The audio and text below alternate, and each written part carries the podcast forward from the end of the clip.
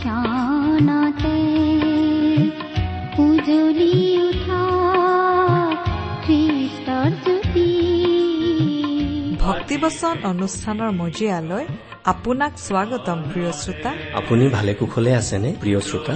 জীৱনৰ বিভিন্ন সমস্যাসমূহক জয় কৰি এক সুশৃংখল জীৱন যাপন কৰিবলৈ আমাৰ সকলোকে প্ৰয়োজন এজন প্ৰকৃত বন্ধু আৰু সাৰথী। এই সাৰথীজন হৈছে প্ৰভু যীশুখ্ৰীষ্ট। তেওঁ মানুহক মুক্তি আৰু প্ৰচুৰ জীৱন দিবলৈ ক্ৰুচত বলি হবলৈকো কুণ্ঠাবোধ নকৰিলে। সেয়েহে তেওঁহে আপোনাৰ মোৰ জীৱনক সঠিক পথেৰে আগবাঢ়ি যাওঁতে সহায় কৰিব পাৰে। তেওঁত আশ্ৰয় লৈ আমাৰ জীৱনে প্ৰকৃততে সঠিক জীৱনৰ বাট বিচাৰি পায়। গতিকে তেওঁৰ বিষয়ে আৰু অধিককৈ জানিবলৈ পবিত্ৰ বাইবেলৰ এই শিক্ষামূলক অনুষ্ঠান ভক্তিবচন মনোযোগেৰে শুনে উজ্বলি উঠা খ্ৰীষ্টৰ জ্যোতি। আকাশ বতাহ মুখৰিত কৰি গাঁও সবে মিলি প্ৰশংসা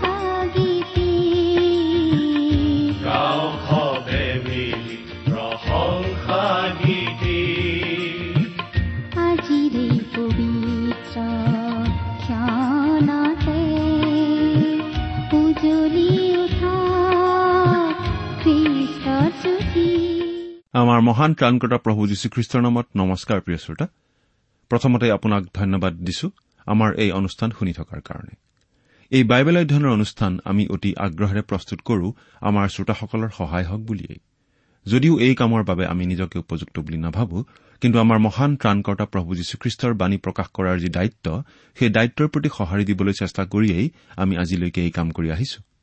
কিমান দূৰ সফল হৈছো তাৰ বিচাৰ আপোনালোকৰ হাতত। অনুগ্ৰহ কৰি আপোনাৰ মতামত আমাক জনাবনে?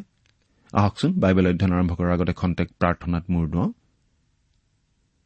স্বৰ্গত থকা আমাৰ অসীম দয়ালু মৰমীয়াল পিতৃ ঈশ্বৰ তোমাক ধন্যবাদ দিওঁ কাৰণ তোমাৰ বাক্য অধ্যয়ন কৰি তোমাৰ মাত শুনিবলৈ তোমাক ওচৰৰ পৰা লগ পাবলৈ এই সুন্দৰ সময় এই সুন্দৰ সুযোগ তুমি আমাক দান কৰিলা।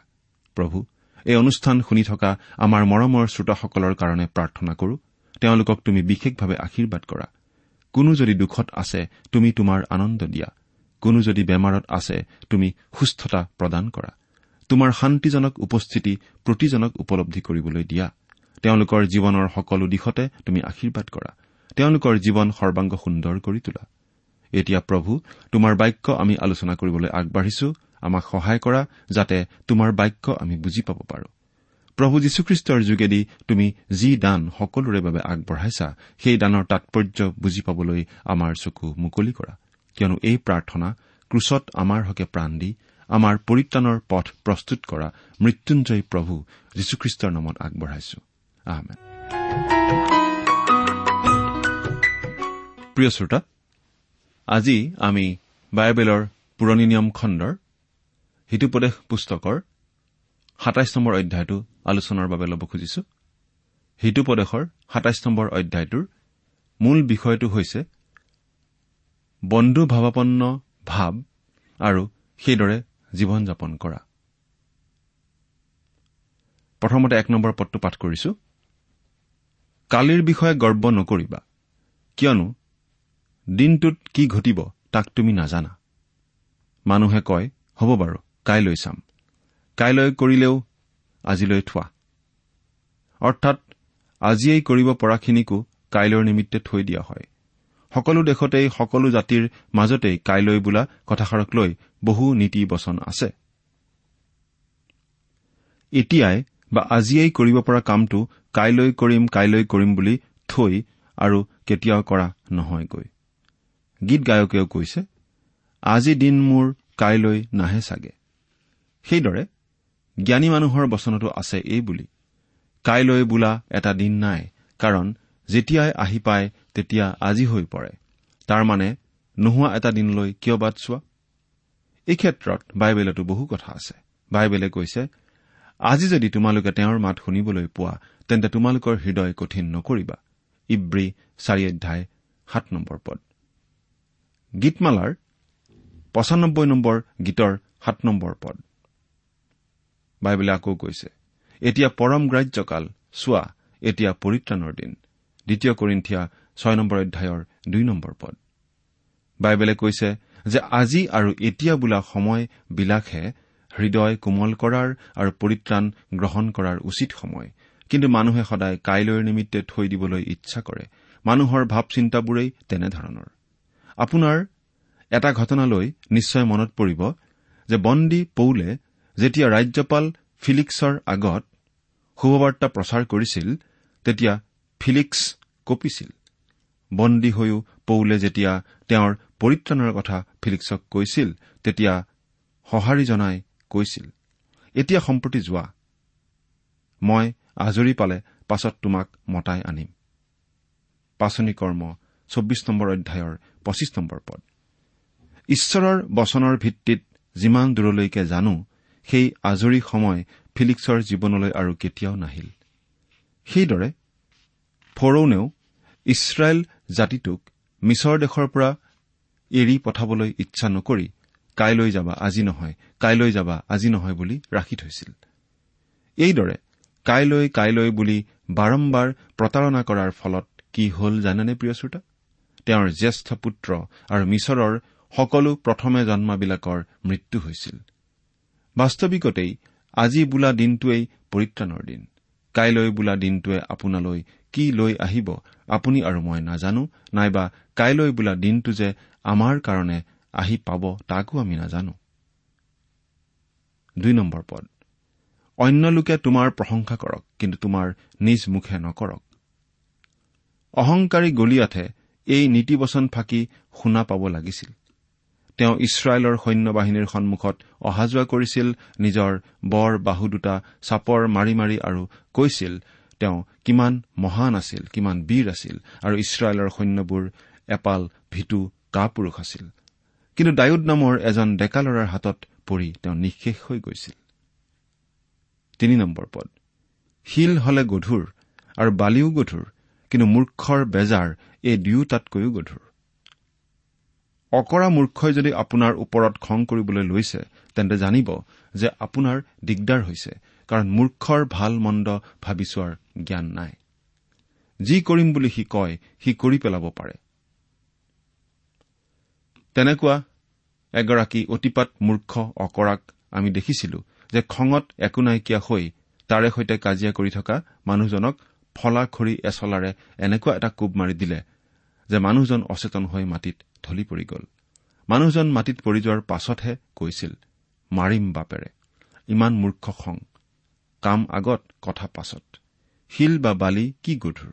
মূৰ্খৰ খঙৰ ওজন সেই দুয়োটাতকৈও অধিক গধুৰ। পদ। ক্ৰোধ নিষ্ঠুৰ আৰু খং ঢল পানীৰ নিচিনা। কিন্তু স্ত্ৰী বিষয়ক ঈৰ্ষাৰ আগত কোনে থিয় হ'ব পাৰে? ক্ৰোধতকৈও ঈৰ্ষা অতি মাৰাত্মক।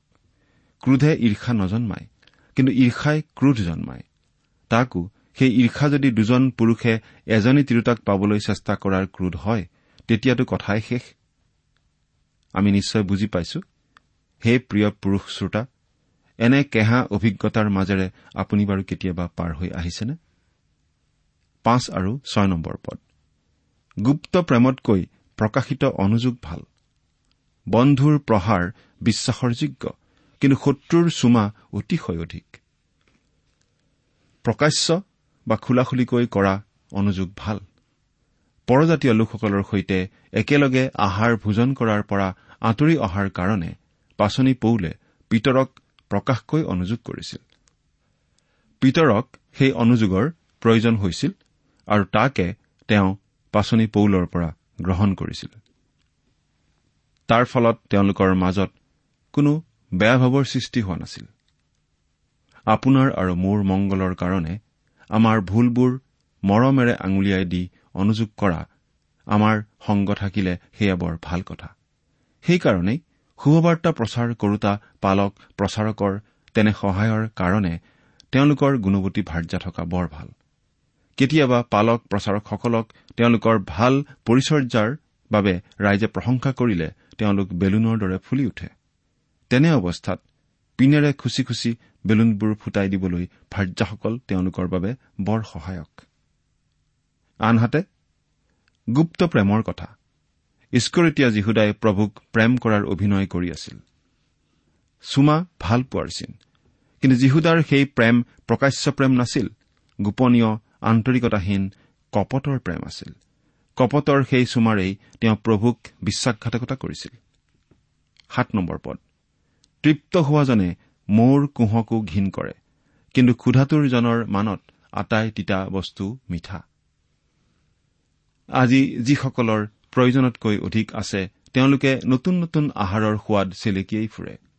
আহাৰ প্ৰস্তুত কৰাৰ নতুন নতুন ৰন্ধন প্ৰকৰণ আৰু সুস্বাদুকৈ খাদ্য তৈয়াৰ কৰাৰ প্ৰশিক্ষণ আদি ওলায়েই আছে। সকলো মুখৰ জুতিৰ কাৰণেই এইবিলাক হৈ আছে। এবাৰ এটা ভোজনালয়ত আমি সোমাইছিলো। খাদ্য সম্ভাৰৰ তালিকাখন লুটিয়াই লুটিয়াই চাই কম দামৰ এবিধ আহাৰ যোগাৰ কৰিবলৈ আমি কলো। যোগাৰ কৰি দিলেহি। বাহ কি খাদ্য? সপোনত খাইছোনে বুলি আমি ভাবিছিলো। কিন্তু দেখিলো আভিজাত পৰিয়ালৰ এহাল ডেকা গাভৰু ভোজনালয়খনত সোমাইছিলহি। আমি খোৱাতকৈ সাত আঠ গুণ দামী বস্তু খুজি লৈ খুচৰি মুচৰি অলপ অলপ খাই শ্ৰীমতীয়ে শ্ৰীমানক কৈছিল কি খাবাহে এইবোৰ গৰুৰ দানা। যি মুহূৰ্তত কম দামৰ খাদ্যখিনি আমি টকালি পাৰি পাৰি হাত চেলেকি চেলেকি খাইছিলো সেই মুহূৰ্তত আমাতকৈ সাত আঠ গুণ দামী সুস্বাদু খাদ্যখিনিও গৰুৰ দানাহে হ'ল। আমাৰখিনি কিহৰ দানা হ'ল তেনেহলে? অভিজাত পৰিয়ালৰ শ্ৰীমান শ্ৰীমতীহাল তৃপ্ত হোৱা আৰু আমি আছিলো ক্ষুধাটোৰ সেইবাবে খোৱাৰ জুতিও আমাৰ বেলেগ বেলেগ আছিল। প্ৰিয় শ্ৰোতা এই কথাটো আমি ঈশ্বৰৰ বচনৰ ক্ষেত্ৰতো খটাব পাৰো। ঈশ্বৰৰ বচন খাব লাগে চুবাব লাগে আনকি পাগুলিব লাগে। আচলতে ইয়াকেই ঈশ্বৰৰ বচন ধ্যান কৰা বুলি কোৱা হয়। আমি পঢ়িব লাগে অধ্যয়ন কৰিব লাগে আৰু ধ্যান কৰিব লাগে। তাকে কৰিব পাৰিবলৈ ঈশ্বৰে যেন আমাক ক্ষুধা আৰু তৃষ্ণা দান কৰে তাৰ বাবে আমি তেওঁৰ গুৰিত প্ৰাৰ্থনা কৰি থাকিব লাগে। আঠ নম্বৰ পদ। নিজ বাঁহৰ পৰা ভ্ৰমি ফুৰা পক্ষী যেনে নিজ ঠাইৰ পৰা ভ্ৰমি ফুৰা মানুহ তেনে।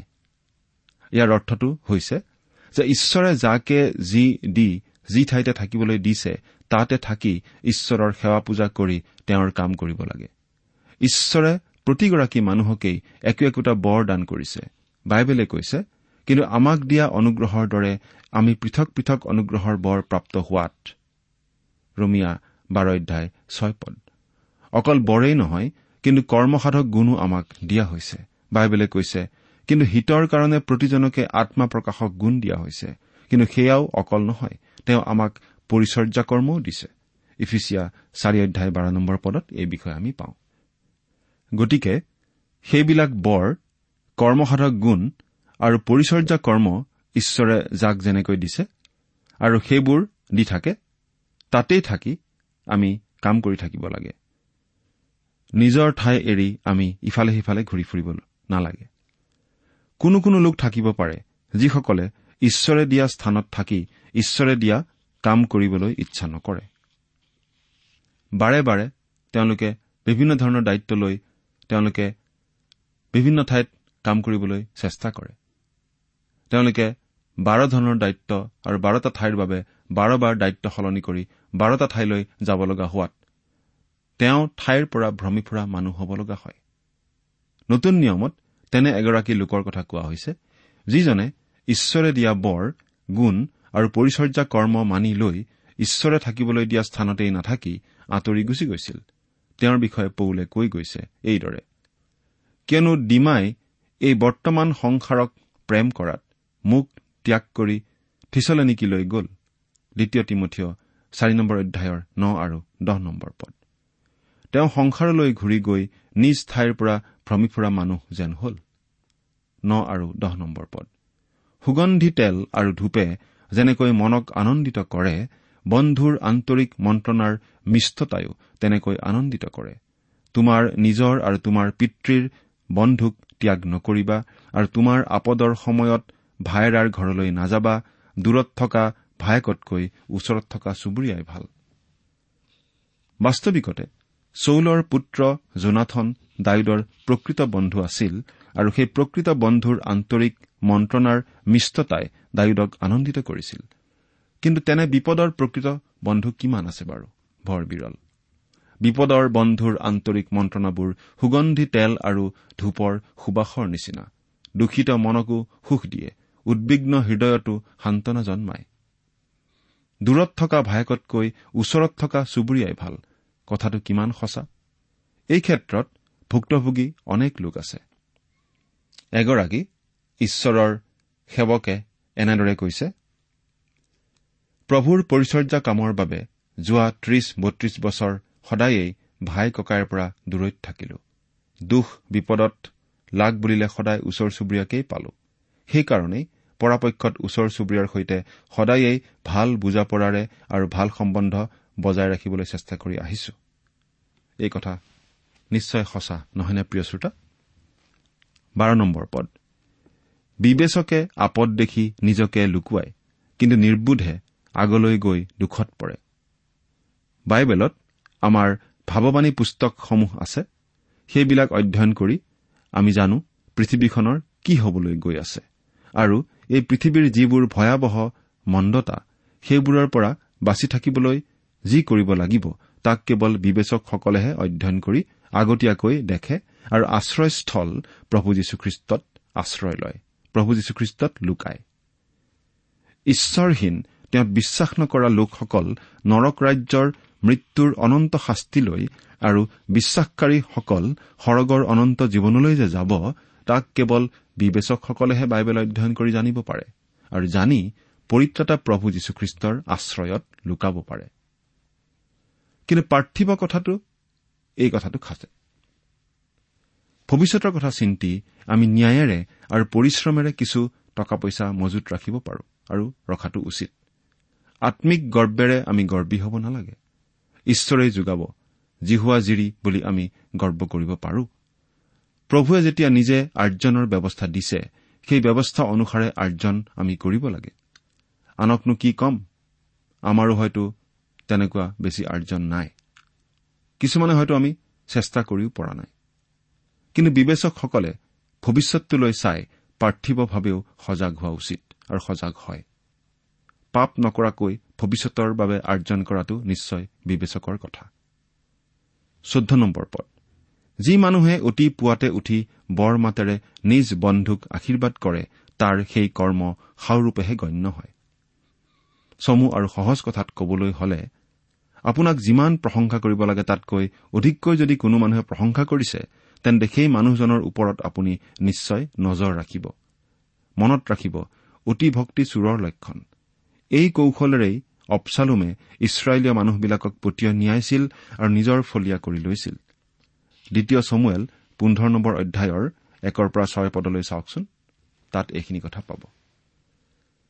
আজিকালি আমাৰ সমাজতো এই লেতেৰা খেলাটো খেলা হয়।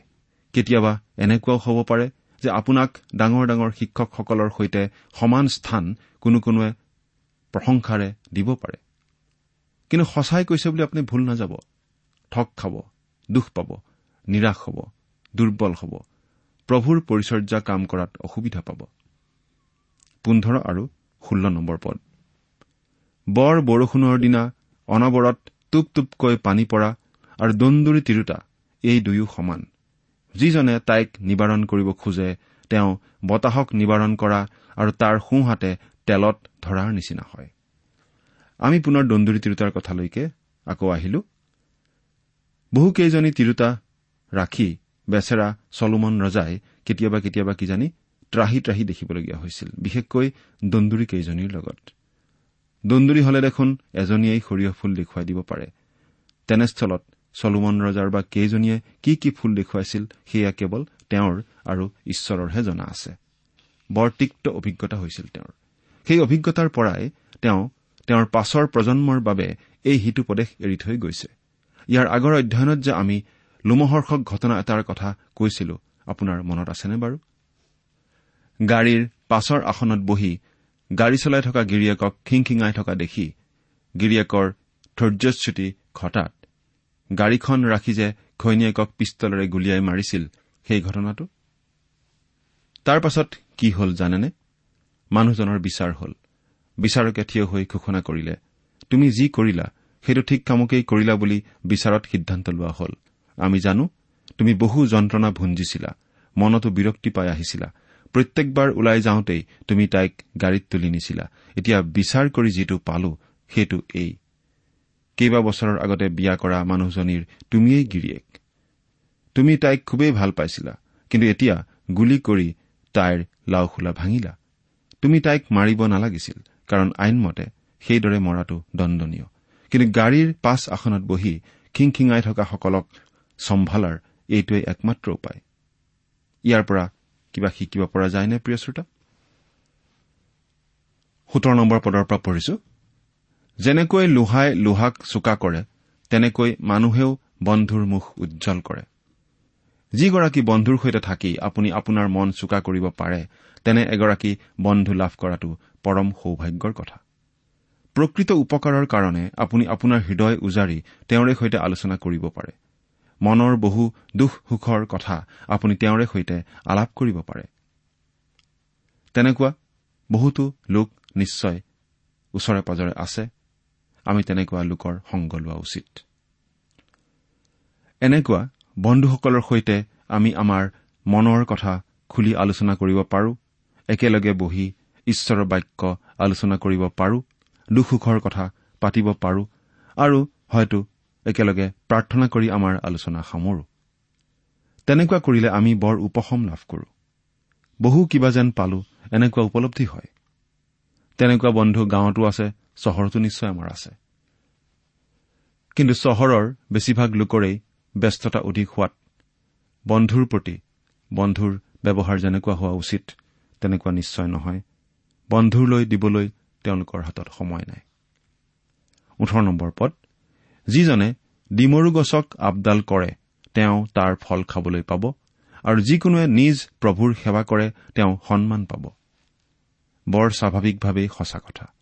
অৱশ্যে এটা কথা ফল খাব পাবলৈ হলে গছজোপাৰ উপযুক্ত আপডাল ল'ব লাগিব আৰু সন্মান পাবলৈ হলে দাসে গৰাকীৰ আন্তৰিকতাপূৰ্ণ সেৱা শুশ্ৰূষা আগবঢ়াব লাগিব।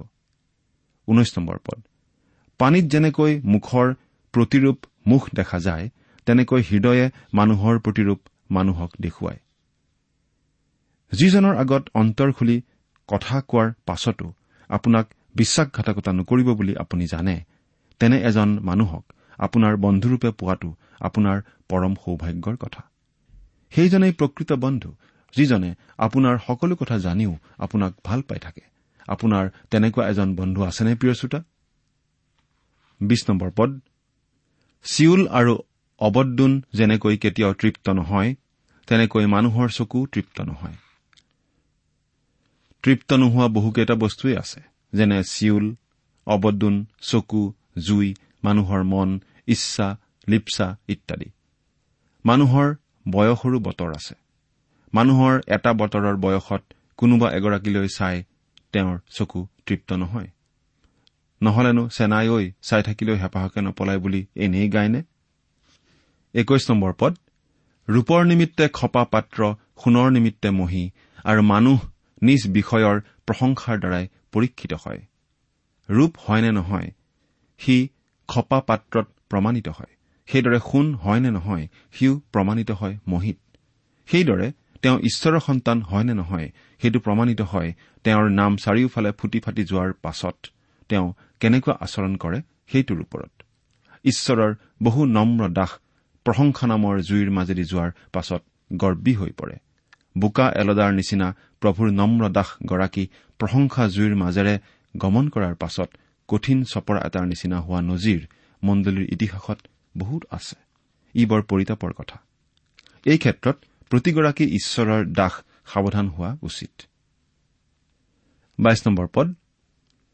তুমি যদি মূৰ্খক ঘেঁহু ধানৰ মাজত উৰালত উৰালবাৰীৰে খুন্দা তথাপি তাৰ মূৰ্খামী দূৰ নহ'ব। মূৰ্খ মানুহৰ কথানো আৰু কিমান কম। পদটোত যি কোৱা হৈছে সেইখিনিয়ে যথেষ্ট। নহয়নে বাৰু প্ৰিয় শ্ৰোতা? তেইছ নম্বৰ পদৰ কথাখিনি বৰ দৰকাৰী বিশেষকৈ পালক বিচপ অধ্যক্ষ আৰু প্ৰেছবিটাৰ আদিসকলৰ বাবে। পাঠ কৰি দিছো শুনিবচোন। তোমাৰ ভেড়াৰ জাকৰ অৱস্থা জানিবলৈ তুমি যত্নবান হোৱা আৰু তোমাৰ পশুৰ জাকক ভালকৈ আপডাল কৰা। জ্ঞানী গুণী আৰু প্ৰশিক্ষিত পালকসকলৰ ওপৰত আমিনো কি কথা ক'ব পাৰিম? তথাপি আজিকালি দেখা গৈছে যে ভেড়াৰ জাকৰ অৱস্থা খবৰ লোৱা বা ভেড়া জাকৰ আপডাল লোৱাতকৈ বাকীবিলাক কথাতহে অধিক গুৰুত্ব আৰোপ কৰা দেখা গৈছে। কোনো কোনো মণ্ডলীয়ে ব্যৱসায় আদিতো উঠি পৰি লাগিছে। ভেড়া জাকৰ অৱস্থাৰ খবৰ লৈ আৰু তেওঁলোকৰ আপডাল কৰি যদি বাকীবিলাকো কৰা হলহেঁতেন তেন্তে কবলগীয়া একো নাথাকিলহেঁতেন। কিন্তু মুখ্য কামটোক গৌণ আৰু গৌণ কামবোৰক মুখ্য কাম কৰাটোহে আচলতে বেয়া কথা হৈছে। চৌবিশ নম্বৰ পদ। কিয়নো ধন সম্পত্তি চিৰস্থায়ী নহয় আৰু কীৰ্তিও জানো পুৰুষানুক্ৰমে থাকে।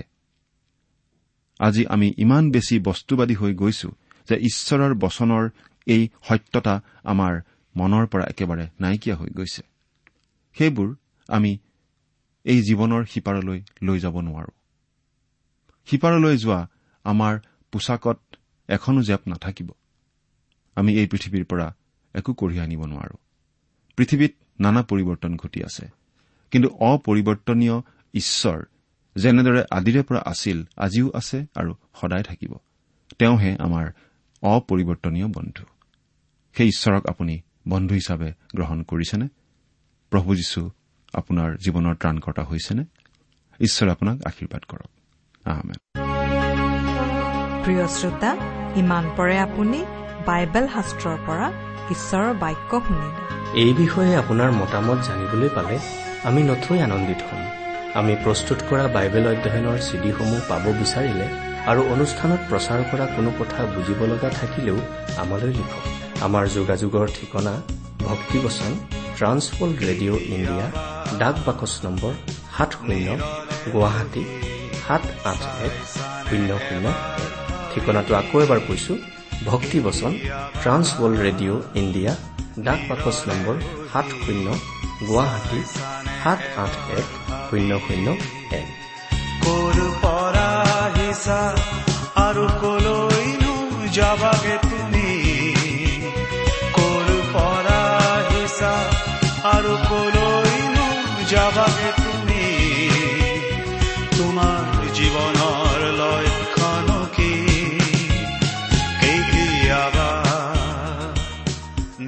আমাৰ ইমেইল এড্ৰেছটো হৈছে Assamese T TV at the rate radio' eight eight two dot com আমাৰ website W W W dot T W R dot in আপুনি টেলিফোনৰ মাধ্যমেৰেও আমাক যোগাযোগ কৰিব পাৰে।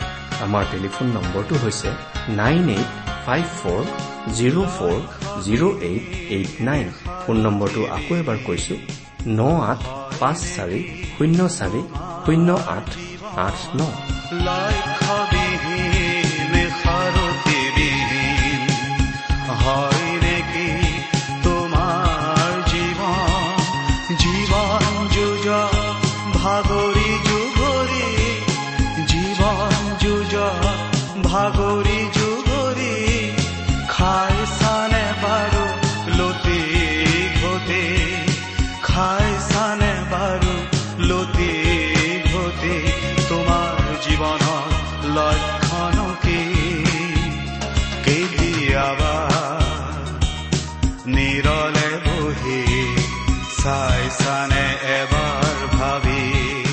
আপুনি এই ভক্তিবচন অনুষ্ঠানটি আমাৰ website W W W dot radio' eight eight two dot কমতো শুনিব পাৰিব।